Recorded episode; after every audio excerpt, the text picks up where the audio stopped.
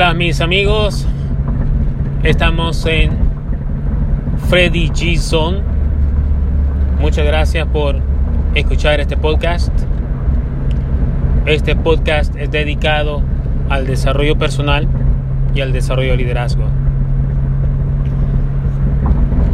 Básicamente hoy quería hablar sobre el primer paso o el primer gran paso que se requiere para tener éxito en el desarrollo personal y en el desarrollo de liderazgo. El paso más importante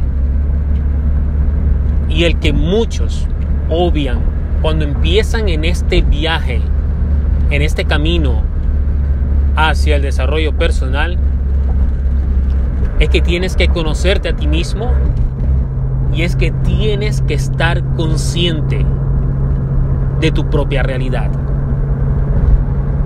Muchos se habrán dado cuenta que cada vez que escuchamos videos motivacionales o escuchamos a conferencistas motivacionales, siempre nos dicen que enfoquémonos en nuestra visión. Ese es el primer paso. Vamos a enfocarnos en la visión que tenemos. ¿Cuál es, la, cuál es el objetivo que deseamos lograr?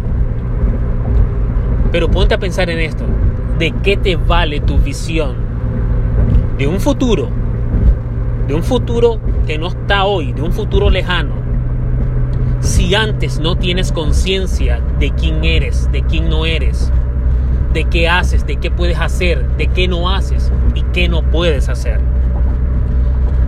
¿Qué va a ser más importante que el estar consciente de tu propia realidad? Por más difícil por más oscura, por muy dura que sea tu realidad, tú tienes que estar consciente de ella, tienes que abrazarla, tienes que enfrentarte y verte en ese espejo y decir, este es quien soy. Y no va a importar la visión de tu futuro si antes no tienes conciencia de quién eres en el presente. Ya tu pasado se borró, ya tu pasado ni se va a borrar tampoco, pero tu pasado quedó ahí atrás. La única forma de que tú recuerdes tu pasado es por las lecciones aprendidas de ese pasado. Pero en realidad el primer paso no consiste en que tengas una visión de futuro sin antes, sin antes no tener una claridad de tu presente. Tienes que saber quién eres, tienes que saber tu realidad es. Tu realidad no es la misma de otros. Tu realidad no es la del conferencista o la del millonario que está en un video dándote ánimos para que tomes el siguiente paso, para que vayas al siguiente nivel. No, esa no es tu realidad. Y el camino que muchas veces ellos te muestran no es el camino que tú tienes que tomar. Recuerda que camino se hace al andar.